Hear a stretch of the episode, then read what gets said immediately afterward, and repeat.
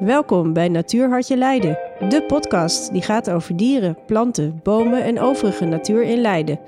Wij zijn Laura Lancé en Nancy Glazer. Iedere aflevering spreken wij met een bijzondere en bevlogen gast die zich actief inzet voor onze sleutelstad.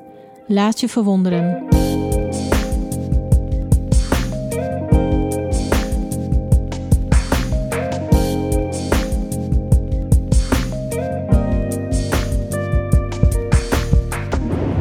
Mens is het een vreemde gedachte dat planten gelijkwaardig zouden zijn aan ons.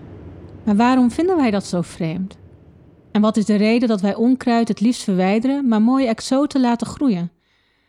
En hoe zou Leiden eruit zien als er steeds minder planten groeien, omdat we klakkeloos de stad verstenen? Over deze onderwerpen en meer zal ik vandaag spreken met onze volgende gast, Norbert Peters.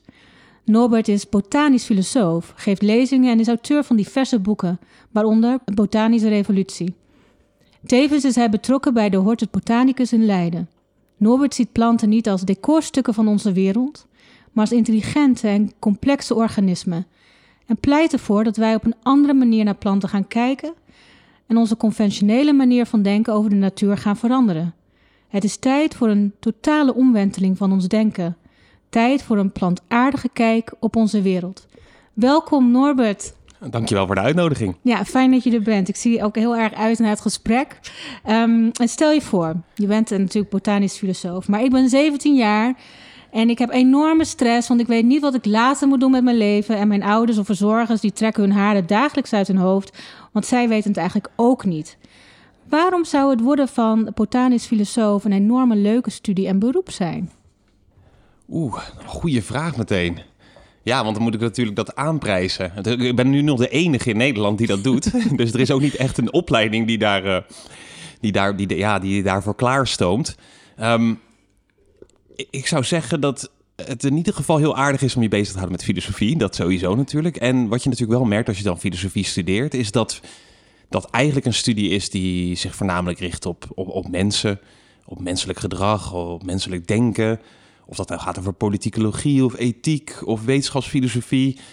Het is eigenlijk wel vaak heeft het te maken met, met de mens. Uh, nou heb je de laatste jaren ook wel wat mensen die wat meer met dieren doen en, en dierfilosofen die daarbij nadenken. En ja, planten zijn eigenlijk een beetje een, wat dat betreft een beetje een ondergeschoven kindje in de zin van ja, daar hebben filosofen dan in het verleden wel best veel aandacht voor gehad, maar mhm. eigenlijk in het heden valt dat tegen. En ik zou zeggen dat opent een hele nieuwe wereld in de zin van ik ben dan zelf wat meer generalistisch. Ik ben geen specialist. Mhm. De meeste botanici of plantkundigen die dat studeren, die ja, dan, dan studeer je en dan, en dan uiteindelijk kies je een specialisatie. Dat de mhm. fysiologie van planten, de taxonomie van planten. Je kan het zo geen niet bedenken. Um, of er zijn specialisten op dat vlak, mos-specialisten, gras-specialisten. Mhm. Ga zo maar door. Ik ben zelf iets meer een generalist, dus ik weet niet veel van een beetje, maar een beetje van veel. En um, daarmee probeer ik ook te kijken naar de geschiedenis van de botanische wetenschappen, hoe die zich hebben ontwikkeld en hoe dat denken eigenlijk over planten zich, zich heeft ontwikkeld. En ik, nou ja, er gaat een wereld voor je open in die zin dat um, ik wist ook daarvoor helemaal niet. Ik was wel, uh, ik studeerde filosofie. Ik hield mhm. mezelf veel bezig met diergedrag. Vooral gedrag rondom samenwerking, maar ook schoonheid, esthetiek, agressie in het dierenrijk. Om te kijken, ja, wat, wat, wat kunnen filosofen daar nog over te melden hebben? En ik merkte eigenlijk aan het eind van mijn studie, toen ik wat meer een plantenkant op ging, dat, ja, dat daar zoveel over te vertellen is. Of dat nou mhm. gaat om de samenwerking van planten, communicatie bij planten, uh, zelfs een vorm van, van, van taal. Planten leiden gewoon een heel complex leven. Dus ik denk dat dat, dat, dat, dat maakt het interessant. Ik denk dat dat mhm. maakt het misschien ook interessant voor iemand die zich meer met plant, in planten wil gaan verdiepen. Uh, ja, dan gaat een wereld voor je open in die zin dat. dat um, ja, je verwacht eigenlijk niet wat je allemaal tegenkomt. Elk plant, er zit wel een verhaal achter. Uh, dat kan soms een verhaal zijn van hoe die hier terecht is gekomen. Maar het kan ook een hmm. verhaal zijn van... ja, deze plant die bijvoorbeeld die bloeit en die warmt... tijdens zijn bloei warmt die op om meer geurstoffen te verspreiden en zo insecten aan te trekken. En dat is zo bijzonder. Ehm, ja, dat, dat, ik, dat ik zou zeggen, ja, dat is zeker wel iets wat je zou kunnen gaan. Je kan niet studeren, je moet, het wel, je moet wel een beetje je eigen pad daarin kiezen. Maar het is denk ik zeker iets wat, wat eh, ja, veel bijzonderder is dan je misschien op het eerste gezicht eh, zou denken. Ja, en we hebben het ook wel nodig, want nu ben jij de enige, die, uh, hè, de enige botanisch filosoof. Nou, dat moet wel een beetje voortgeplant worden. Um, ja, nee, dat is goed hoor. Dat, je moet dan, ja, maar, maar er moet nog een Norbert bij en nog meerdere. Dus juist voor heel veel, veel jongeren is het natuurlijk een hele interessante wereld waarin ze in kunnen stappen. Juist omdat planten zoveel belangrijker gaan worden de komende jaren. Zeker. Um, en ik besef eigenlijk ook, en dat is wat je net al zei, ik besef dat mijn ouders en mijn directe omgeving enorme impact hebben gehad op mijn denken, handelen en ontwikkeling. Waar ik mij vaak niet bewust van ben, is dat mijn denken gekoppeld is aan een geheel historisch palet van Europees denken. Zou je een paar denkbeelden die wij vanzelfsprekend vinden, maar dat eigenlijk niet zijn, willen blootleggen? En dan met name gericht op de ontwikkeling van uh, plantenkunde. Ja, ik, ik zou zeggen inderdaad dat, en dat zei je ook al in de inleiding, denk ik heel goed, we kijken niet waardevrij naar planten. We hebben eigenlijk best wel veel voor ingenomenheden of vooroordelen ten aanzien van planten, die ook ergens een ontstaan kennen, die vaak niet door ons per se zijn bedacht, maar ja, dat, wat een soort van zelfsprekendheid is waar je instapt. En zo is het heel vanzelfsprekend om een huisdier en een huisplant anders te behandelen. Dat, dat, dat, dat merk je ook. En dat merk ik trouwens zelf ook. Ik heb een kat en ik heb een hoop huisplanten. Maar daar kan ik toch niet hetzelfde mee interacteren. En dat ergens natuurlijk ook wel heel begrijpelijk. Met een dier heb je misschien ook wat meer interactie dan met een plant, zo 1, 2, 3. Maar dat neemt niet weg dat die kamerplanten even goed een zeer complex leven leiden. al, al lijden ze ook met een lange ei af en toe, als je ze te weinig water geeft en voeding. En wat ik zelf merkte toen ik me hierin ging verdiepen, is dat dat ja, eigenlijk hele diepe wortels kent. Uh, een van de belangrijkste figuren die ik daarbij graag noem is, is Aristoteles, een Griekse filosoof. Die, uh, waar, die heeft ook ooit een plantenboek geschreven, zegt men. Dat is nooit teruggevonden. Wel zijn, zijn boeken over dieren. Zeer belangrijk, natuurlijk, zeer belangrijk ook voor de vorming van de biologie. Echt ja, een beetje de vader van de biologie zou je kunnen zeggen. Maar zijn denken heeft wel echt een stempel gedrukt op ja, eigenlijk de, de, de eeuwen die daarna komen. Mm -hmm als hij naar planten kijkt, en daar zien we nog eens sporen van terug in ons eigen taalgebruik, zegt hij eigenlijk planten zijn bezielde organismen, mm maar ze hebben een, eigenlijk een vrij eenvoudige ziel. Uh, ook wij mensen hebben een plantaardige ziel, een vegetatieve ziel. Maar we hebben dan ook nog een dierlijke ziel erbij en uiteindelijk ook nog een menselijke uh, uh, ziel. Dus dat is als bijna zo'n soort bruidstaart verschillende verdiepingen en elke keer die erbij komen. Het is cumulatief. Mm -hmm. En dat merk je ook wel in ons taalgebruik. Als wij bijvoorbeeld zeggen iemand is een kastplantje, dan bedoelen we daarmee ja, hij leeft in een soort vegetatief stadium. Hij heeft niet meer zijn, zijn motorische kwaliteit of uh, uh, hij is niet meer motorisch mm -hmm. begaafd en, en bewegen kan niet meer, waarnemen kan niet meer en al helemaal niet denken. En, en dan zie je eigenlijk, ja, dat is een restant van dat Aristotelische denken. Dat wij eigenlijk denken, planten zijn zeer eenvoudige, simplistische organismen die uh, nou ja, ontkiemen, een tijd lang groeien, en dat kan heel lang duren natuurlijk, maar een tijd lang groeien, misschien bloeien eh, en dan vervolgens verwelken en dan, en dan uiteindelijk sterven. Um, en daarmee was dan ook de gedachte, de plant is passief. Mm -hmm. Een mhm. plant beweegt niet uit zichzelf. Hij kan wel bewegen, maar dat is eigenlijk altijd een soort speelbal van zijn omgeving dat hij beweegt. Um, maar ook een plant kan niet waarnemen. Dit, dit, waren mhm. allemaal manieren van Aristoteles ook om eigenlijk de verschillende rijken die je kan zien in de natuur, de, verschillende, de, de, ja, de indeling van de natuur die je kan hanteren, ja, om die ook tegenover elkaar te, te plaatsen, of in ieder geval van elkaar te onderscheiden. Dus het was belangrijk als je, ja, om, om een antwoord te hebben op de vraag: wat is een dier? Maar dan moet je ook weten, nou, wat is een mens en wat is een plant? Mm -hmm. En hoe kan je die van elkaar onderscheiden? En die onderscheidingen zijn eigenlijk heel invloedrijk gebleken. Het duurt echt heel lang dan praat ik tot, tot de 18e en 19e eeuw, nou dan zitten we zeker twee millennia na Aristoteles, mm -hmm. dat pas de eerste botanici gaan inzien, oh, planten lijken eigenlijk wel te bewegen. Of planten lijken eigenlijk misschien wel waar te nemen. Of een ander vooroordeel wat heel lang hoogtij vierde, was dat planten zich niet seksueel zouden vermenigvuldigen. Mm -hmm. Dus ergens ook misschien wel ergens te begrijpen, men heeft heel lang niet echt oog gehad voor bloemen. Uh, mm -hmm. Of in ieder geval heeft men wel oog gehad voor bloemen, maar nooit met de gedachte van die bloemen En de verschillende organen die erin zitten, de stampers en de meeldraden, die zijn voor voorplanting bedoeld. En dat is hoe een... Aristoteles dacht bijvoorbeeld, ja, seksuele voorplanting, daar moet je voor kunnen bewegen. Want er moet in Mhm. ieder geval één van de twee geslachten moet nader tot de ander komen, anders dan kan er geen geslachtsgemeenschap zijn. Dus hoe doen planten dat? Die staan toch immers vastgenageld aan de grond. En dan duurt het nog veel langer voordat men nadat men dan ontdekt, oké, planten zijn wel degelijk seksueel, eh, eh, in de zin van ze planten zich seksueel voort, dat daar bestuivers bij komen kijken. Mhm. Het is heel gek om te bedenken dat die ontdekking ongeveer even oud is als de eerste telefoon. Ja, Terwijl toch absurd, jezelf- ja. je denkt bij jezelf, ja, er zijn toch plantenkwekers geweest, zijn toch botanici geweest, hele bekende Mhm. botanici ook, die toch echt wel ontzettend veel ogen hadden voor het plantenrijk, maar dat toch dan niet zagen. Dat is eigenlijk zo bevreemdend. En daar zie je ook nou ja, iets van de betekenis van wat botanische filosofie is, dat de manier waarop wij interacteren met planten, de manier waarop wij planten eh, zien en beoordelen, dat is heel erg veranderd ja, in de tijd. Door de tijd heen is dat aan verandering onderhevig. Daarom is het voor ons nu heel gek om ja, te leren dan van, oh, de bloemetjes en de bijtjes, dat is eigenlijk geen standaard verhaal. Tegenwoordig denken we, oh, dat is basisschoolmaterie. Hè? Dat, Mhm. dat krijg je op de basisschool, toch? Hoe kan het nou zo zijn dat dan men daar zo lang over heeft gedaan om dat te ontdekken? En als je het dan ook ontdekt, gaat er dan ook een wereld open. In de zin van, je ziet ineens... Oh, die bestuivers die zijn aangepast op bloemen... en bloemen zijn aangepast op bestuivers. Mhm. En daar kunnen hele ja, slimme dingen tussen zitten. Ook bijvoorbeeld de betekenis van nectar. Het heeft heel lang geduurd voordat men besefte... oh, nectar, dat is eigenlijk als het ware... datgene waarmee de plant een bestuiver lokt... en een beetje de tegenbetaling voor het kruisbestuiven... voor vervolgens het meenemen van het stuifmeel naar een Mhm. andere bloem van dezelfde soort. Mhm. Maar er zijn ook bijvoorbeeld heel veel planten die leveren helemaal geen nectar en die bedriegen bijvoorbeeld gewoon de boel. Je hebt heel veel orchideeën, ja, die, die, die, die, die leveren helemaal geen tegenprestatie. Een van de prachtigste voorbeelden daarvan is, er komt ook trouwens in Nederland komt daar, komen daar enkele soorten van voor je bij ons. De, de muggenorgis en de bijenorgis. Mhm. Die heten zo omdat ze inderdaad de bloem lijkt wat op een mug. Of, ofwel de bloem lijkt wat op een... Trouwens, ik moet het goed zeggen. Het is niet de muggenorgis, de vliegenorgis. Dat moet ik goed Mhm. zeggen, ja. De vliegenorgis en de bijenorgis. En inderdaad, het lijkt wat op een vlieg en de ander lijkt wat op een bij. En heel lang ja, wist men niet waarom dat zo was. Ehm, er zijn wel ideeën over geopperd. Er is bijvoorbeeld op een gegeven moment een, een schot ehm, die beweert... Ja, nee, een Schotse botanicus beweert... Ja, dat is misschien om eh, koeien af te schrikken. Want dan denk ik zo, er zit een bij. Die Ja. eet ik niet op, die plant. Mhm. Inmiddels weten we dat deze bloem...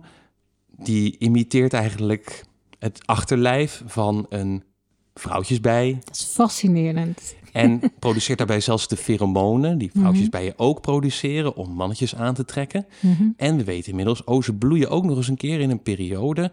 Je moet je dan voorstellen, deze wilde bijen, daarvan komen de mannetjes eerst uit. Die komen uit de grond, die hebben- zijn vol paringsdrift. Het Mhm. duurt dan nog een tijd voordat de vrouwtjes komen. En daar maakt de orchidee eigenlijk gebruik van. Van die korte interval om dan te bloeien. Als die Mhm. mannetjes vol paringsdrift zijn, die worden dan nou ja, misleid, om de tuin geleid. Springen, bespringen zo'n orchidee. En krijgen dan, nou ja, natuurlijk onvoldane zaken, keren ze, keren ze daarvan terug. Maar krijgen wel twee stuifmeelzakjes op hun hoofd geplakt. Die ze vervolgens weer, als ze nog een keer in het ootje worden genomen. Nou ja, dan zorgen ze voor bestuiving. En zo plant dan die orchidee zich voort. Eh, ik, ik ga misschien een beetje af van je vraag, maar Ja. het is, dat is zo bijzonder eigenlijk om, om, om te beseffen dat dat zo complex eigenlijk in elkaar steekt. Nou, ik vind het wel, wel mooi dat je het zegt, omdat je daarmee eigenlijk al ehm, bij een van de vragen ook al die ik zelf had, is eh, het seksleven van de plant. Ja, En ze, voor geen enkel soort is, is incest echt een goed antwoord. Omdat het aan de ene kant, tenminste er zijn misschien soorten die dat doen, maar het kan natuurlijk behoorlijk verzwakken, want je, je wordt er niet sterk soort van. ja en het is al heel gek om dat incest te noemen. Hè? Dat, Ja. ehm, een plant. eh, eh, ergens is het heel begrijpelijk. Dus een van de allereerste die begint eigenlijk met dat besef dat planten seks seksueel vermenigvuldigen is Carolus Linnaeus. Hij is dan nog vrij jong, zit net op de universiteit. En dan zegt hij inderdaad, ja, in het voorjaar dan zie je al die dieren vol paringsdrift. En, en, maar die planten die doen dat ook. Mhm. En dan zegt hij, ja, de bloem is eigenlijk een bruidsbed. Mhm. En eh, met de gordijnen zijn dan de blo- bloembladen en de geuren zijn de parfums die bij zo'n huwelijksnacht komen kijken. En dan gaat hij zelfs heel erg metaforisch spreken van ja, de stamper is dan het vrouwtje en de meeldraden zijn de mannetjes. En daar kreeg je nog heel veel ophef over, want ja, dat, dat kan je wel beweren, maar dat betekende ook dat je bijvoorbeeld een bloem had. Ik, ik noem maar wat, hè. Ja, Als je een, eh, een, eh, ik zit even te denken hoor, als je bijvoorbeeld een lelie neemt, dus moet ik even denken, die heeft een driedelige stamper Mhm. en, of een driedelige stempel, één stamper en dan zes meeldraden. En dan zei hij dus, ja, dit zijn zes dames die het bed delen met één, oh, of, eh, sorry, zes kerels die het bed delen met één vrouw. Dat was heel controversieel natuurlijk om die gelijkenis te trekken, maar hij liet wel daarbij zien van, ja, dat is heel belangrijk Mhm. ehm, voor het leven van de plant. Dus misschien wel waarom de plant er is, om zichzelf ook weer vervolgens voor te kunnen planten. En dan is het begrijpelijk om te denken, ja, misschien inderdaad is het, is het zo dat dit stuifmeel gewoon naar de stamper toe gaat. Dat is immers de kortste weg tussen Mhm. het stuifmeel en de stamper. Pas toen men echt onderzoek ging doen naar, oké, wat is nou eigenlijk de betekenis van zelfbestuiving? En, en eigenlijk ook kruisbestuiving begon te ontdekken. En dan is het Charles Darwin die laat eigenlijk zien, ja, er is een verschil tussen zelfbestuiving en kruisbestuiving. Dat is een mooie brug, want dan zijn we inmiddels bij Charles Darwin aangekomen. En in de vorige podcast met Menno Schildhuizen heb ik gesproken over Darwin en met name over de evolutieleer. Ehm, wat, voor, wat veel mensen niet weten is dat Darwin veel meer heeft betekend voor de botanische wetenschap. Ehm, en deze kant van hem is vrijwel onbelicht gebleven.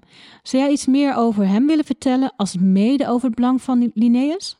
Ja, nou ja, dus een van die dingen die Linnaeus eh, dus heel goed heeft gezien. En er waren al mensen ook al voor hem die dat ook zagen. Maar hij heeft het eigenlijk gepopulariseerd. Dus is inderdaad die, de seksualiteit van planten. En Mhm. dat eigenlijk voor, voorop te zetten. En, en dat ook heel leidend te maken in de indeling van planten. Dus als je planten op naam wilde brengen, dan was een van zijn methodes was, ga de stij, stijfmeeldraden tellen, ga de stamper bekijken.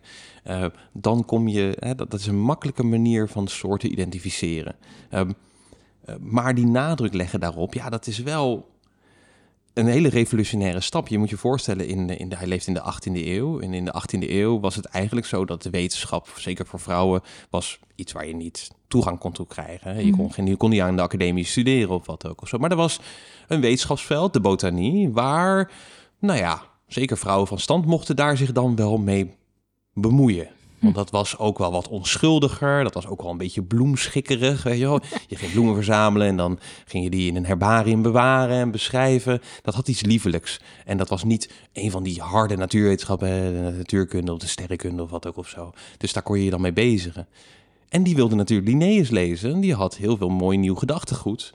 Ehm, maar dan krijg je dus de grote problemen. Want ja, hij was wel heel erg expliciet in zijn manier van beschrijven van planten. En dat is voor ons nu misschien ook, leest het ook heel gek, van dat hij dus inderdaad die gelijkenis legt. Maar ja, je moet je voorstellen inderdaad van in één keer eh, verschijnen die planten in een heel ander licht. In één keer zie je, oh, die zijn eigenlijk aan het voortplanten. Die zijn daar de hele tijd mee bezig. Het duurt dan nog een hele tijd voordat ze beseffen dat er een kruisbestuiving plaatsvindt met bestuivers en zo. Maar niettemin is dit wel een hele belangrijke eerste stap. En ik kan me heel goed voorstellen dat dat nog steeds voor mensen al een beetje bevreemdend is. Wij geven elkaar graag een boeket bloemen. Ik denk dat toch weinig mensen beseffen dat als jij een boeket bloemen krijgt, dat je eigenlijk een boeket geslachtsorganen krijgt van, van, van, van planten. Niet alleen maar. Je krijgt natuurlijk ook die prachtige bloembladen en zo. En daar is het ons ook om te doen. Maar dat is denk ik toch vreemd om te beseffen. Ik denk überhaupt seksualiteit of inderdaad incest. Hè? Er zijn op zich in het plantenrijk heel veel zelfbestuivers. En dat kan ook heel lang goed gaan. Eh, planten hebben ook ten, aanzien, ten, ten opzichte van dieren de mogelijkheid om zich niet alleen seksueel te vermenigvuldigen, vaak, maar ook vegetatief te vermenigvuldigen. Dus via stekjes, via wortelscheuten, ondergronds. En dat zijn verschillende, eh, nou ja, dus verschillende bomen, planten zo die dat kunnen. Dat weten we ook al een beetje. Iedereen die al eens een keer per ongeluk bamboe in de tuin heeft gezet, die weet via ondergrondse wortelscheuten kunnen die eh, flinke afstanden afleggen en ook inderdaad zich flink vermeerderen. Maar is zit, dat dan er een, manier van aan. klonen of is dat wel een, een, een nieuw Ja, dat is, een manier, dat is in feite een manier van klonen. dus Dus het, zelfkloning? het is inderdaad een vorm van zelfkloning. en het is natuurlijk, dat is natuurlijk wel handig. Je moet bijvoorbeeld denken aan... Je hebt van die prachtige gro- grote agaves. En, Mhm. en, en eh, er stond een keer ook stonden ze hier in de hortus in bloei. En die maken een enorme lange bloeistengel. Prachtige bloemen erop. En die worden bestoven door vleermuizen. Oorspronkelijk als ze in, in, in de ja. natuur voorkomen. Maar je ziet als, als ze die bloeistengel gaan maken, dat kost alle energie. Dus de, Mhm. de, de plant is daarna eigenlijk, eh, die leeft niet meer verder. Steekt hij al zijn energie steekt hij in die bloei. Maar ja, dat is natuurlijk wel een beetje tricky. Want Mhm. ja, kan een keer geen vleermuis langskomen, heb je toch dik, een groot probleem. Dus dat, wat je dan ziet is dat ze aan het einde van hun leven gaan ze niet alleen die bloeistengel maken, maar ze gaan ook zijscheuten maken en gaan nieuwe agaveplanten voorbrengen, klonen. Mhm. Zodat die het trucje nog een keer kunnen herhalen. Dat is evolutionair gezien inderdaad, ben je dan kwetsbaar, want een, Mhm. je, een kloon maken van jezelf. Ja, als jij dan ziek wordt door een bepaalde ziektekiem, kan die ziektekiem ook heel makkelijk jouw kloon ja, uh, infecteren. Dus het is gevaarlijk. Oh, maar dat hebben we misschien wel gezien in Ierland toen. Met, Zeker. met de aardappel. Ja, dat is natuurlijk waarom inderdaad die aardappelziekte. Dus de aardappel werd al heel lang gekweekt in Peru. Mhm. Heel veel verschillende variëteiten. Waardoor je ook minder kwetsbaar bent voor een, eh, een ziektekiem. Maar nou ja, je ziet tegenwoordig dat de wereldeconomie en de wereld en de markt... die gaat toch heel erg vaak voor monoculturen. En dan met name ook voor, voor weinig variatie. We hebben, we hebben bijvoorbeeld hier in de supermarkt hebben we eigenlijk alleen bijvoorbeeld de, de dessertbanaan liggen. Je hebt wel verschillende merken, maar het is allemaal mhm. dezelfde banaan. Je kan wel eens bij een toko zo kan je suikerbanaantjes krijgen of grotere bakbananen. Maar in feite is het een heel karig aanbod. En met mhm. die aardappels natuurlijk hetzelfde. Dit was een aardappel. Ehm, die het heel goed deed, die heel voedzaam was en die groeide in Ierland heel goed. Ierland heeft niet zo'n goede landbouwgrond, maar die aardappel die was dus, dat was een vondst. Dat leefde in één keer enorm veel calorieën op. Alleen men kloonde alleen maar. Dus men ging alleen maar dezelfde aardappelkloon planten. Mhm. Toen kwam er op een gegeven moment een waterschimmel. Um, waarschijnlijk over uit Zuid-Amerika, die uh, uh, uh, nachtschadeplanten aanviel. Um, en toen was het in één keer gedaan met de, aard, met de aardappeloogst. En dan stort natuurlijk in één keer dat in. En dit mhm. is niet één keer. Dat aardappelziekte voorbeeld is een heel belangrijk voorbeeld. Uh, en, uh, dat kennen veel mensen. Maar het is zo met de bananen ook gebeurd. Dus je hebt op een gegeven moment het liedje... Ik heb geen bananen vandaag. Hè? Ah, dat, uh, ja.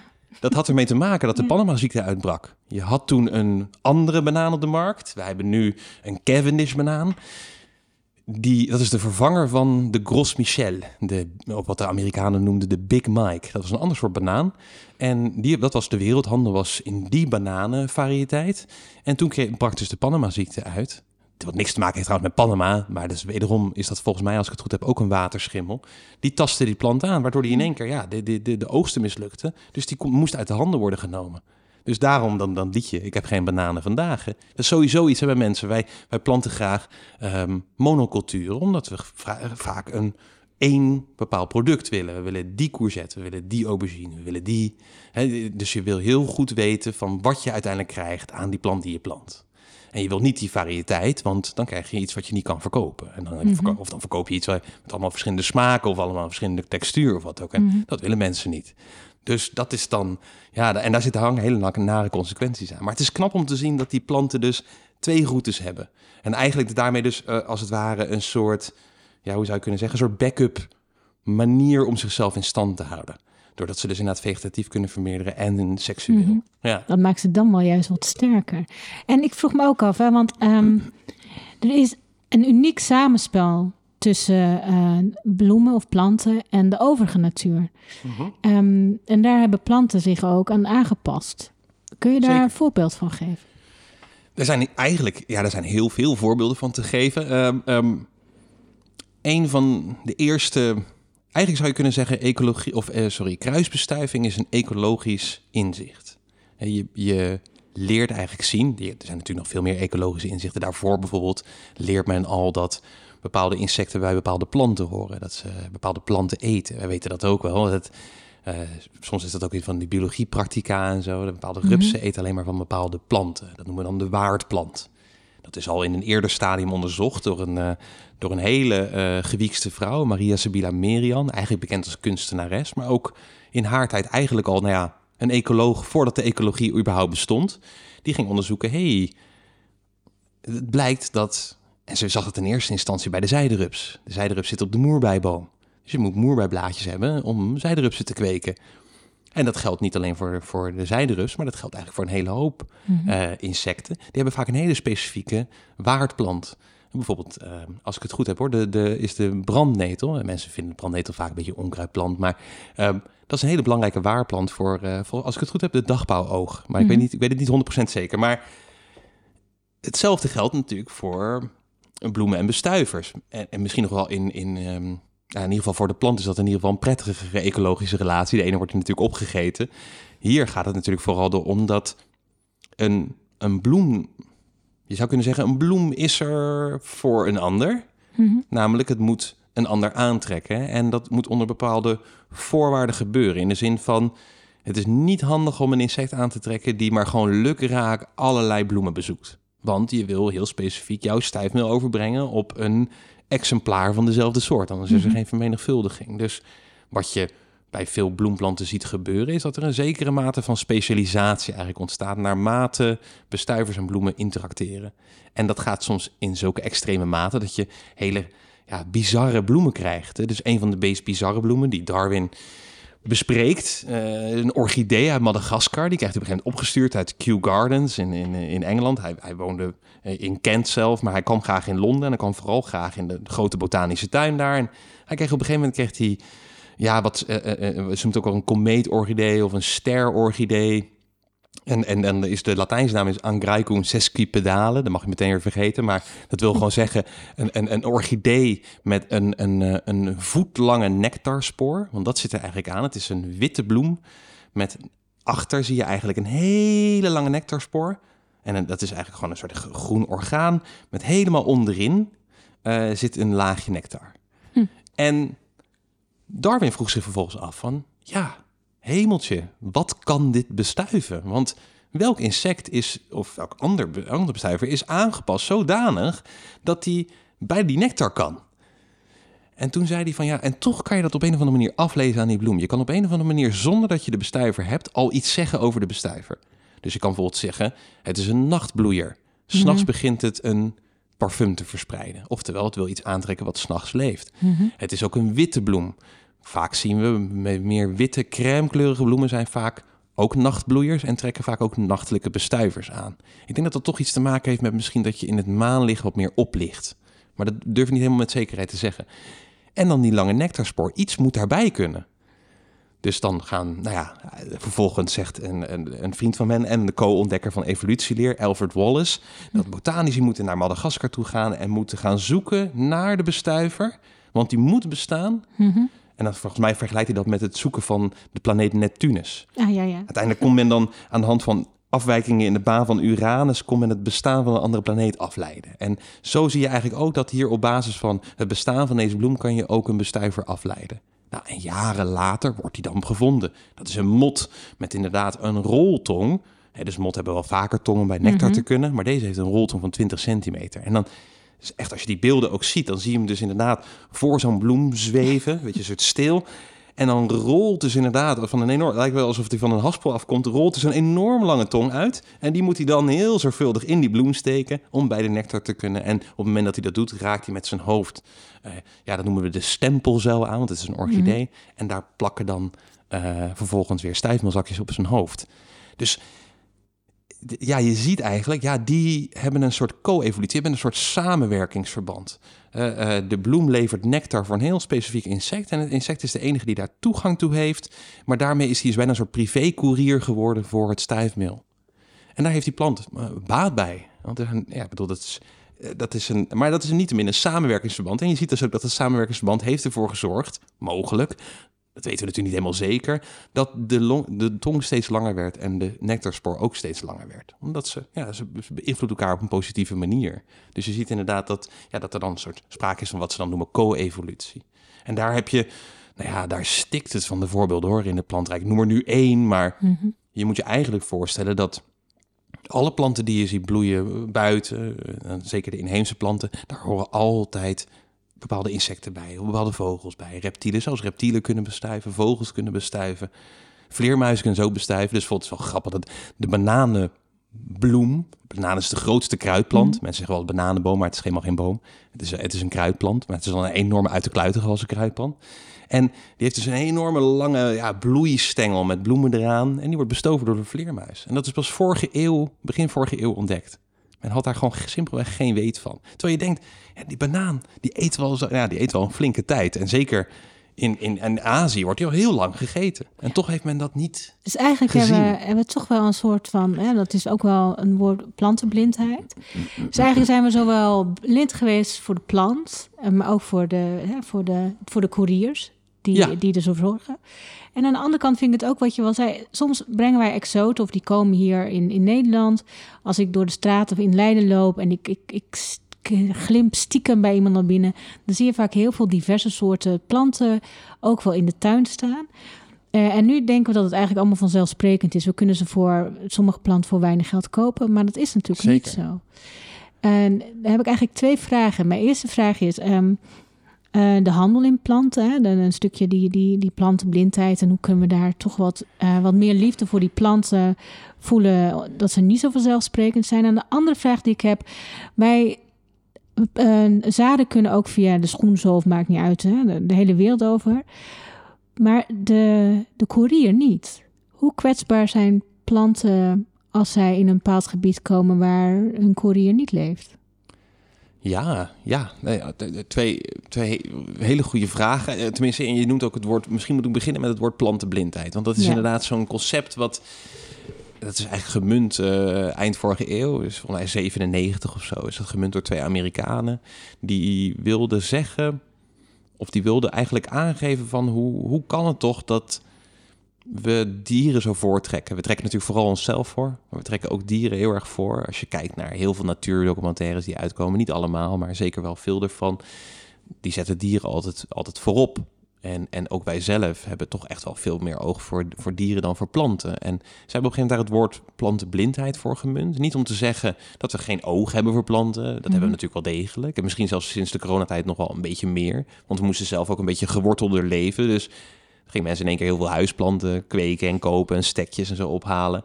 Um, dus ergens hebben we wel degelijk oog voor planten. Maar het is zo vreemd dat we heel veel van die aspecten van planten, dat we daar pas of we heel erg laat achter zijn gekomen, of überhaupt nog steeds eigenlijk te weinig besef van hebben. Dat is altijd een voorbeeld wat ik uh, wel eens geef. Een paar jaar geleden had je een hele droge zomer. Mm Al die tuinen ja, verdorden. Ja, dat weet ik nog. En toen had je een uh, verfbedrijf en die kon dan langskomen. En dit gebeurt veel meer hoor. Maar het verfbedrijf bood zijn dienst aan. Die konden binnen een mum van tijd konden ze jouw tuin groen verven.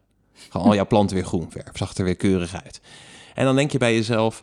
Um, de verf moest dan wel, was dan wel waarschijnlijk biologisch afbreekbaar, zeiden ze volgens mij bij. Dus het was, nou ja, het was minder kwalijk dan het misschien zo in eerste instantie klinkt. Maar niet te min denk je, wat, dat, is, dus plantenblindheid. ja, dat is echt een toneeldecor maken. Dan, dan doe je dus inderdaad echt alsof je die planten decorstukken zijn. Mhm. En alsof dus groen alleen maar een kleurtje is. Terwijl ja, groen is de essentie van leven.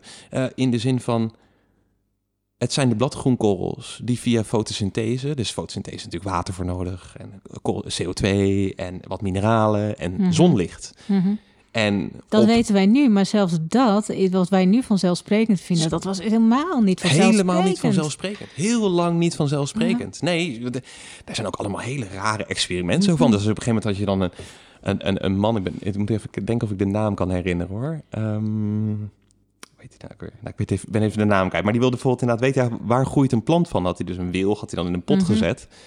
En heel lang was het idee, uh, planten eten aarde. Want groeien, groeien komen voort uit het aarde en eten dat ook. Maar wat mhm. merkte hij op het moment dat hij die wilg in die pot had? Ja, die wilg bleef groeien, maar het gewicht van de aarde nam niet af. Toen was het op een gegeven moment het idee van, nou ja, maar je moet er wel de hele tijd water bij doen. Dan groeit het mogelijk door het water.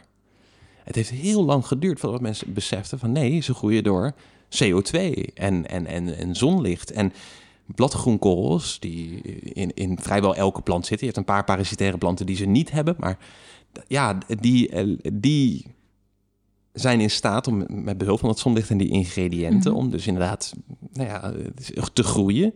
En dan als afvalproduct zuurstof af te stoten. En dat zuurstof, dat, dat ademen wij natuurlijk graag in. Ja, heel um, maar dat, dat, daaraan zie je dat als je, dat, als je denkt vanuit zo'n verfbedrijf, dan denk je, ja, maar dan misken je eigenlijk die plant. Je miskent eigenlijk de waarde van groen en waarom die planten groen zijn en wat het belang is van dat groen. Dat dat van zo'n belang is dat je moet zelf zeggen, planten zijn voor een goed deel verantwoordelijk voor de atmosfeer om ons heen en de lucht die wij ademen. Dus dat is niet zomaar iets wat je even moet veronachtzamen. Maar wat je, dat doe je wel op het moment dat je dat zo als een decorstuk gebruikt.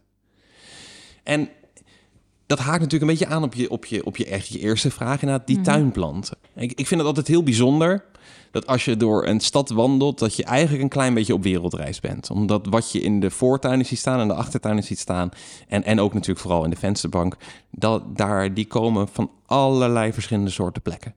Um, dus wij hebben heel veel Aziatische planten hier in onze tuinen, maar ook Afrikaanse planten, Australische, Amerikaanse planten. Planten worden ook aangeplant door de gemeente.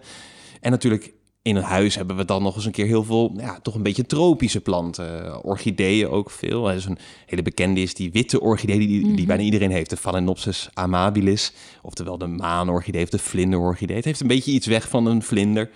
Nou, je moet je voorstellen dat ten eerste de westerse wetenschap ontdekt dat pas in de 17e eeuw, dat die bloem überhaupt bestaat. Daarna moet hij nog een keer worden herontdekt in de 19e eeuw, want blijkbaar had men, nou ja, niet goed genoeg genoteerd waar die allemaal groeide. En dan wordt hij op een gegeven moment wordt hij in handel gebracht, in de zin van hij wordt verkocht. Nou, dan gaat hij voor honderden ponden in de 19e eeuw gaat hij over de toonbank. Terwijl je vandaag de dag bij de Al- Albert Heijn kan je hem voor 5 euro op de kop Ja, tikken. dat is toch bizar. En dan heb je een tropische orchidee op de vensterbank staan. Maar dat, dit geldt voor heel veel van onze planten. Die, daar zitten vaak hele bijzondere verhalen achter. Je moet je voorstellen dat in de 19e eeuw werden er wat we tegenwoordig biopiraten zouden noemen, maar heel veel plantenjagers op uitgestuurd. Dus grote kweekbedrijven, eh, handelaren, maar ook wetenschappelijke instituten, die stuurden mensen erop uit, vaak met nauwelijks een salaris, om in de meest erbarmelijke omstandigheden plantenmateriaal te gaan zoeken. En ook echt op zo'n grote schaal dat ja, op een gegeven moment heb je gewoon karren, vrachten vol orchideeën die richting Europa varen. Jeetje. En die hier voor goudgeld worden verkocht. Had ook al mee te maken dat orchideeën eh, kweken en voortplanten is heel moeilijk. Want Mhm. orchideeën hebben extreem kleine zaadjes. En die hebben vaak een speciaal schimmel nodig. Die zorgt voor de ontkieming. Mhm. Dus het is, heeft heel lang geduurd voordat men erachter kwam. Dat zorgde ook wel voor de, de prijs. Maar de prijs had ook gewoon te maken met het feit dat je echt een beetje een manie krijgt. Net als dat wij de tulpenmanie hebben gekend. Ehm, had je in de 19e eeuw een orchideeënmanie. Wordt ook wel het orchidelerium genoemd. Mensen gingen op grote schaal kweken, pla- eh, Mhm. orchideeën kweken. En het werd ook steeds populairder om kleine kassen te hebben en terraria te hebben. Om orchideeën in op te kweken. En dus zo zie je dat, ja, inderdaad, eigenlijk ja, steeds meer van die planten die reizen naar Nederland en natuurlijk naar heel veel andere landen. En ja, wij zetten die in de tuin, maar vaak hebben we dan helemaal geen besef van, ja, waar komt dit eigenlijk vandaan? Bijvoorbeeld de mahoniestruik. Dat is een beetje een struik met een beetje een heel donker groen hulsachtig blad. Een beetje met van die stekels eraan. En dan prachtige witte bloemen. En wordt door de gemeente wel eens aangeplant. Het is een, een beetje een heesterachtige plant, een beetje een struikachtige plant. En die komt uit de westkust van Noord-Amerika. En is verzameld daar door een Schotse botanicus, David Douglas. Die echt, nou, ten eerste wordt hij al niet oud. Maar hij moet daar door allerlei, allerlei ontberingen doorstaan. Om maar planten terug te sturen naar zijn bazen in Engeland. En hij is natuurlijk vooral bekend van de Douglas-spar. Ook een, Mhm. eh, de, de Douglas, een, een, naalboom die ook in Nederland heel veel is aangeplant. Als je door de Nederlandse bos loopt, kom je met regelmaat Douglassen tegen. En je moet je dus voorstellen dat inderdaad dat iemand die, ja, echt die, die met een soort koopvaardijschip om nog de Kaap, de Kaaphoorn moest varen, langs de Zuid-Amerikaanse kust, naar de Noord-Amerikaanse kust, noordwesten van Amerika, wat toen nog heel onherbergzaam gebied was, extreem koud ook in de winter. En daar moest hij dan ja, zaden gaan verzamelen van die Douglaspar. Althans, en die is dan naar hem vernoemd, maar Het is echt een beetje survival of the fittest. eh. ja, en ook, en ook inderdaad, ja, ook een beetje een soort zucht naar het exotische. En ook een, dus je ziet inderdaad dat, ja, dat wordt dan heel populair om, allemaal, ja, om, om dat allemaal in onze tuinen aan te planten. En dan moet ik alleen, je laatste vraag ben ik even kwijt nu. ja, ehm, we- nou heel vaak halen we die, de, de planten wel, maar de, de koeriers niet. Nee, dat is natuurlijk zo. Ja. En, en hoe, eh, hoe even overleven die planten hier? Kijk, heel veel van de planten natuurlijk hebben wij gewoon in de tuin staan. En die zijn er Mhm. echt voor ons. En heel veel van de bloemen die wij kweken, hebben we inmiddels zo gekweekt dat die ook niet meer echt zinvol zijn voor bestuivers. Je, je moet bijvoorbeeld Mhm. denken dat een roos, nou ga maar eens op zoek naar de stijfmildraden van een roos. De gemiddelde gekweekte roos heeft vooral eigenlijk gewoon bloemblad. Want dat Mhm. vinden wij mooi. Ja. En er zijn ook echt gekweekt op, ja, eigenlijk steeds minder inderdaad de, de seksuele organen die vooruit, maar natuurlijk vooral wat wij er vervolgens, esthetiek, eh, ja. de esthetiek Ja. ervan. Dus heel veel van die bloemen die trekken al eigenlijk ja, niet echt meer bestuivers aan. Of trekken ze misschien wel aan, maar die, ja, ze gaan onvoldane zaken, moeten ze weer vertrekken. Dus die voortplanting is, eh, is dan ook minimaal vergeleken met andere planten. Absoluut. Hè? Dat is natuurlijk ook af en toe het gevaar met van die zadenmengsels, kruidenmengsels die je dan in de, in de tuin gooit. En dan voor- voor een bijenrijke tuin. Ja, dat is niet altijd. Er zijn soms ook al gewoon cultuurplanten tussen die niet altijd even handig zijn voor, voor, voor bestuivers. Mhm. Ehm, en die planten ja, die je ergens anders vandaan haalt, ja, die hebben natuurlijk hier heel weinig of nauwelijks iets van de ecologische relaties waar ze eigenlijk vandaan komen. Als je dus weet dat de meeste planten een waardplant zijn. Nou, die insecten komen natuurlijk ook trouwens wel eens mee. Hè? Dan Mhm. kan natuurlijk wel eens voorkomen dat er ook op die manier insecten, ook uitheemse insecten hier in, in Nederland terechtkomen. Dat de plant wordt meegenomen, maar daar zit dan ook toevallig zitten daar eitjes op van de insecten of wat ook. Dus soms komen ze ook mee. Maar het is natuurlijk zeker zo dat ze eigenlijk een hele hoop van die ecologische relaties missen. Nou is dat dan weer vervolgens niet zo dat die niet weer er kunnen komen ook. Hè? Mhm. Dus jullie hadden Menno Schildhuizen te gast vorige Ja. keer. En hij heeft bijvoorbeeld onderzoek gedaan naar de Amerikaanse vogelkers. Dat is een exoot die hier... eh ja, zo'n begin vorige eeuw heel veel is aangeplant in de Nederlandse bossen. Om een beetje een nieuwe vegetatie. Ja, je moet je echt voorstellen, weet je, als je natuurlijk gewoon een, een bos hebt met bijvoorbeeld grove dennen of zo, dan heb je Mhm. wel wat grondvegetatie en dan heb je de hoge, de- ja, dan heb je natuurlijk de hoge boomkruin en daartussen zit dan niet zoveel. Dus hadden ze een soort vulhout, hadden ze dan daartussen de Amerikaanse vogelkers. Nou, die tiert hier welig. Die, die, die doet het echt heel goed. En ook omdat de, het is vogelkers, nou, Mhm. dat zegt het al een beetje. Vogels zijn verzot op die vruchten die daar komen. En ook Nederlandse vogelsoorten eten gretig van die, van die bessen. Dus je ziet dat zo'n ecologische relatie kan er toch ook wel weer een beetje komen. Hij heeft zelfs dus, Menno Schildhuis heeft onderzocht... dat er ook steeds meer insectensoorten toch wel weer op die plant leven. En toch ook van die plant gaan eten. En toch op een gegeven moment dus inderdaad als het ware... Ja, je zou het kunnen voorstellen als een soort... dat er een zekere veerkrachtigheid zit eigenlijk in dat ecologische web. Dat als daar een nieuwe soort komt... in het begin inderdaad heeft hij misschien een voordeel... want Mhm. er zijn heel weinig dingen die hem opeten of wat ook of zo, of naar het leven staan. Maar na verloop van tijd begint daar toch ook, beginnen ook insecten zich weer aan te passen. Mhm. Eh, of andere planten beginnen zich aan te passen. En je moet natuurlijk ook bedenken, de meeste dingen die kunnen hier helemaal niet wortelen. Dus de meest exotische planten, die halen het misschien net in de tuin. Mhm.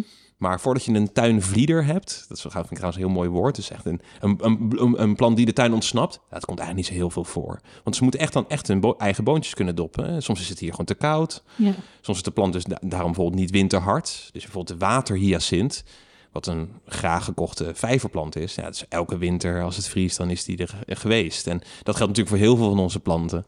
Dat ze het hier gewoon niet halen. Dus ze kunnen Mhm. misschien wel een tijdje bloeien hier, maar dat, dat valt dan toch tegen. En overleven in een huiskamer, zeker bij studenten of wat ook of zo, is toch, is toch nog veel lastiger. Eh, Dus, dus eh, de meesten kunnen helemaal niet eh, eigenlijk ontsnappen en, en, en, en hier hun eigen boontjes stoppen. Dat, dat Mhm. lukt eigenlijk de meeste niet. Maar je ziet dus zeker wel dat inderdaad die, ja, die ecologische relaties kunnen eigenlijk wel weer opkomen ook. Mhm. Het is niet zo dat ze voor altijd eigenlijk als het ware eh, ja, geen, geen relatie meer aangaan met een omgeving. Dat is toch wel wonderlijk hoe die natuur werkt. We hebben nu over Ja. de exoten, die, die vinden veel mensen ontzettend mooi.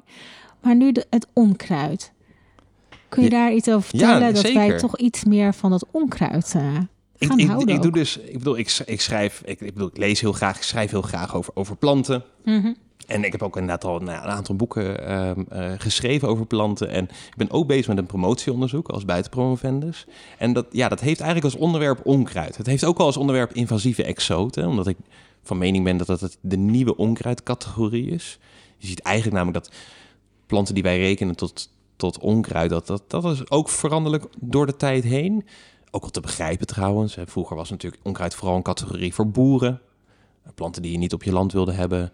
En die, eh, waar, je, waar, waar je de hele tijd tegen moest strijden. Want dat is wat je, iedereen die wel eens een moestuintje heeft gehad, die weet wat een enorme onaflatende strijd je moet leveren tegen onkruid. niet voor niks. Hè? eh, onkruid vergaat niet. Mhm.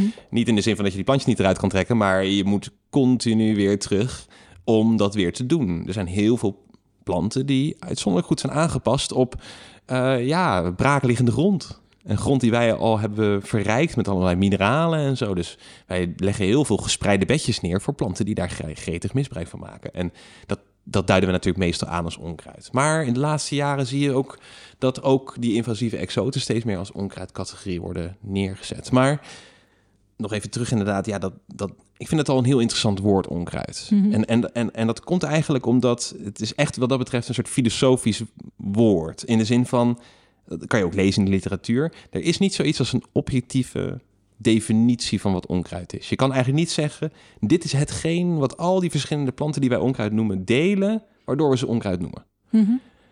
Maar het is ook weer niet iets subjectief. Dat weten we eigenlijk ook wel. We weten ook wel, het is niet helemaal... Er zijn wel eens mensen die tegen mij zeggen... Nou, maar ik vind helemaal niks onkruid. Of nee, waarom zeggen we überhaupt onkruid? En dan denk ik, ja, dat is ergens natuurlijk. Je mag natuurlijk gewoon zeggen voor jezelf van... nou, niks is onkruid, maar ga maar eens met een boer praten. Of ga maar eens met een herbicidebedrijf praten. Hè? Dan hoor je meteen, ja, die zijn niet met niks bezig. Die zijn niet met de Mhm. subjectieve categorie bezig. Die weten wel degelijk van, nou, dat akkervieltje... als je die niet Mhm. weghaalt of die niet bestrijdt, ben je 20% van je oogst eh, kwijt. Hè, dus we vergeten af en toe eens hoe dreigend onkruid natuurlijk ook in die zin kan zijn. Maar ja, dat maakt het een beetje gek, want dat maakt het eigenlijk iets wat eigenlijk vooral bestaat in relatie tot ons. Dus zonder de mens geen onkruid. Ni- Dat is niet helemaal waar. Er zijn ook wel bepaalde dieren die onkruid wieden. Maar niettemin, ik zou ze kunnen, toch kunnen zeggen, geen onkruid zonder de mens. En het is dan ook een heel, ja, het is een beetje een oud, gek woord ook. Hè? Het is net als met ongedierte, of Mhm. onmens, of Mhm. onland. Het is een heel gek gebruik van het voorvoegsel on. Meestal als we dat gebruiken, dat voorvoegsel is het om een tegenstelling weer te geven. Iets is af of onaf, of iets gepast is ongepast. En bij onkruid is dat niet zo. Dat is net als bij onweer. Onweer is nog steeds weer, Mhm. maar het is heel erg weer. En onkruid is nog steeds een plant, maar het is een, ja, een verschrikkelijke plant. Een plant waar je vanaf wil. Hè? Het is ook, kruid moet je ook een beetje lezen in de oude zin van het woord. In de zin van, vroeger was kruid een algemene aanduiding voor alle planten. Dus je kan ook een boom hebben die onkruid is. Weet je? wel. tegenwoordig gebruiken we kruid wat meer voor de wat kleinere planten... Mhm. of de, de kruiden in de keuken, maar... Je kan daar eigenlijk alle planten mee bedoelen. Maar het is inderdaad een, ja, het is een, het is een hele negatieve beoordeling van ja, eh, het is een plant. En dan wordt vaak gezegd, en dat is op zich wel een aardige definitie, als je dan toch een definitie moet geven, hoewel die niet sluitend is, een, het is een plant op de verkeerde plaats. En de zin van, wij willen hem daar niet.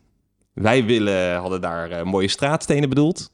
Mhm. En wat groeit er allemaal tussen die straatstenen? Of Ja. wij hadden daar die roos bedoeld. En die roos hebben we ook vertroeteld en mest gegeven en dat soort dingen. En En, dan komt in één en dan keer. komt in één keer komt daar zeven blad te staan. Of in één Ja. keer komt daar wat anders te staan. En dat moet je dan vanaf. Dus eigenlijk is het een heel bijzonder woord, omdat er meerdere soorten onder dat onkruid kan vallen. En het is echt iets wat ons, ja, het zit ons dwars. Het zit Ja. onze plannen en ideeën dwars. En ik heb het idee dat we daar af en toe, maar dat is meer mijn persoonlijke mening, daar kunnen Nederlanders nogal veel in doorschieten. Überhaupt mensen, Mhm. mensen kunnen daar nogal veel in doorschieten. Wij schieten wel eens door in hoe proper en netjes en schoon alles moet zijn.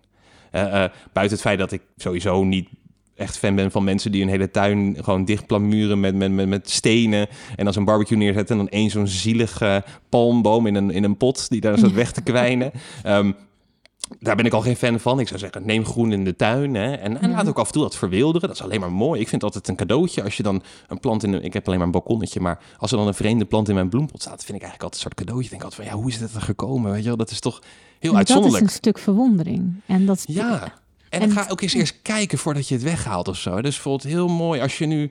We hebben natuurlijk heel veel van de stinsplanten die nu in bloei komen. De, Hmm. de sneeuwklokjes en de krokussen en de narcissen. En dan op een gegeven moment gaan ook de tulpen komen. En dat zijn hele mooie planten. Niet, en, en ook zeker planten die worden bezocht door insecten. Maar het zijn cultuurplanten. Terwijl als je gaat kijken, bijvoorbeeld de vroegeling. Een heel klein plantje, zo'n klein bladrozetje... met een heel klein stengeltje, een heel klein wit bloempje eraan. Kijk eens gewoon even van dichtbij hoe mooi dat eruit ziet. Of de moskussens nu in de winter. Mhm. Die kleuren zo groen dat het bijna, dat het bijna lijkt alsof ze licht geven. Ga eens zo'n moskussen bekijken. Of ga eens kijken naar wat er allemaal tegen de muur groeit. Hè? Dus de, de, eh, varens die tegen de muur groeien. eh, maar ook korstmossen, eh, eh, plantjes die in de meest kleine holtes... Denk aan een paardenbloem die in een scheur in het beton kan een paardenbloem opkomen. Dan denk je, hoe is het eigenlijk mogelijk? Hè? We de- want die exotische planten in de tuin, nou, die mo- moeten we dan heel erg vertroetelen, eh, Mhm. vaak. Of in ieder geval, daar moet je echt moeite voor doen om die bijvoorbeeld te laten bloeien. Of dat die, dat die, hè, dat die goed bij staat. Snoeien en al dat soort dingen en zo. Terwijl een paardenbloem heeft niks nodig. Hè? Dit, ehm, of nauwelijks iets nodig. En toch ook tegelijkertijd die, die schoonheid hebben. En dus ik, ik zie wel, ik kijk wel eens af en toe naar Leiden en denk ik, ah, we hebben toch nog eigenlijk net iets te veel gemeentediensten die dat groen allemaal weghalen. Of die bermen gaan maaien op momenten dat je denkt, ja, nu staat mooi alles juist in bloei. Dit is een ideale tijd voor de bestuivers. En, en, en, en inderdaad ook de dieren die eten van die planten. Ga niet alles meteen wegsnoeien of wegmaaien. Mhm. Ik begrijp het af en toe wel voor verkeersveiligheid. En ik begrijp af en toe wel dat hè, een park dient meerdere doelen dan alleen de planten. Maar kunnen we niet af en toe wat planten wat meer eh, laten staan en wat meer proberen te genieten van wat er allemaal bloeit? Nou, het is wel interessant, want we hebben nu hè, veel over, over planten gehad. En ook zeker over wat we thuis allemaal aan kunnen treffen. Ehm, waar hoop jij op dat mensen, wat mensen meenemen nog meer naar het beluisteren van deze podcast?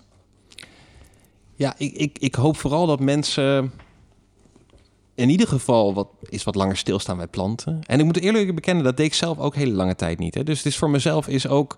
Het, de planten leren kennen is voor mij ook... Ik was echt een labloeier. Ik deed dat eigenlijk dus echt ja, na mijn studie, eh, was ik al in de twintig, ging ik pas met, met, met planten bezighouden. En ik merkte ook van ja, je loopt daar eigenlijk altijd vanzelfsprekend aan voorbij.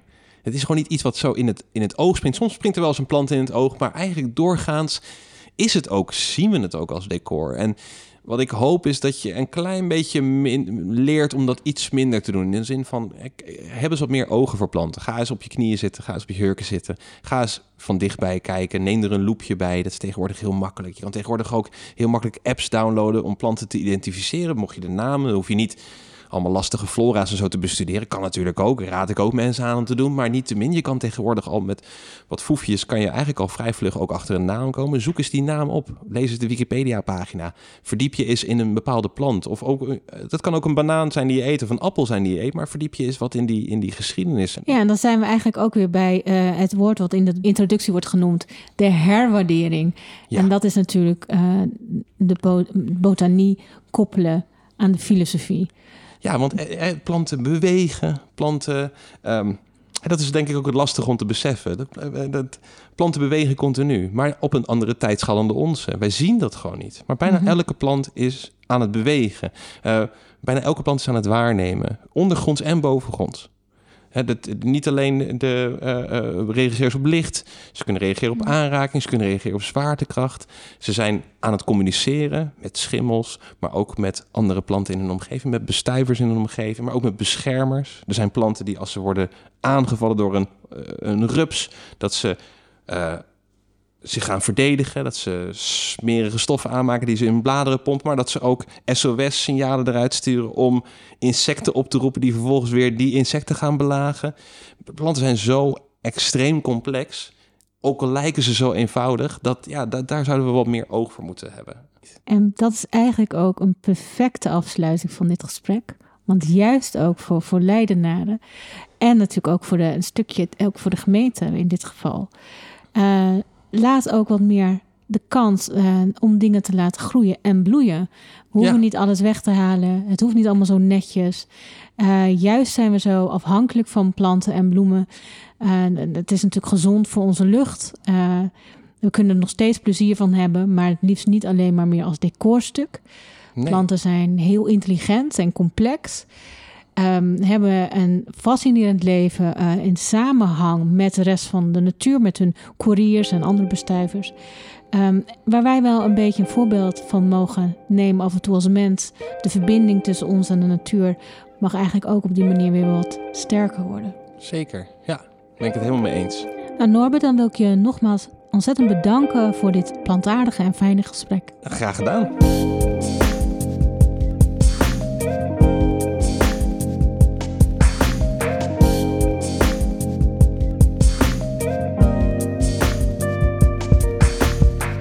Bedankt voor het luisteren. Voor meer informatie, het stellen van vragen of aanmelden als gast kun je terecht op onze website natuurleiden.nl. Daar vind je ook onze gratis audio stadswandeling. Montage en muziek van vandaag waren in handen van Hugo Zwarts van Home Mindfulness in Leiden. Graag tot de volgende keer.